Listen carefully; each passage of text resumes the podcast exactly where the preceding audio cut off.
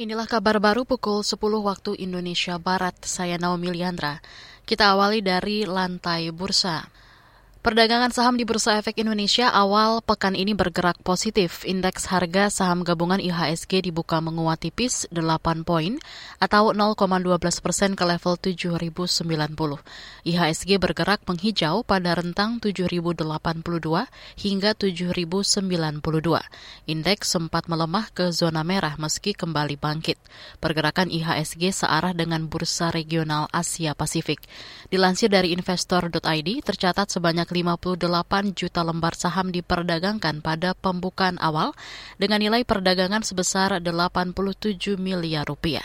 Di satu jam pertama perdagangan, sekitar 270-an saham menguat, 170-an saham terkoreksi, dan 190-an saham stagnan. Di sisi lain, nilai tukar rupiah mengalami kenaikan tipis sebanyak 0,03 persen ke angka 15.680 rupiah per dolar Amerika Serikat setelah dalam lima hari terakhir merosot.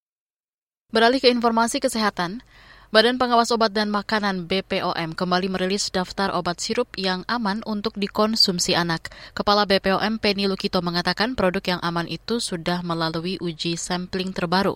Itu dilakukan untuk pengawasan dan mengembalikan kepercayaan publik terhadap sistem penjamin mutu di produsen farmasi saat sebelumnya setelah sebelum kejadian ini ya tidak ada ketentuan batas cemaran etilen glikol dan dietilen glikol DEG dalam produk obat jadi ya pada standar farmakope Indonesia maupun juga internasional sebenarnya juga tidak ada sehingga ini tidak ada payung hukum Badan POM untuk melakukan pengawasan ya. Nah, ini juga akan di, dirubah ya. Kami sudah memberikan e, masukan pada Kementerian Kesehatan. Saya kira ini juga sudah akan berproses. Kepala BPOM Penny Lukito menjabarkan ada 168 obat aman yang tidak mengandung empat pelarut seperti propilen glikol, polietilen glikol, sorbitol, serta gliserin.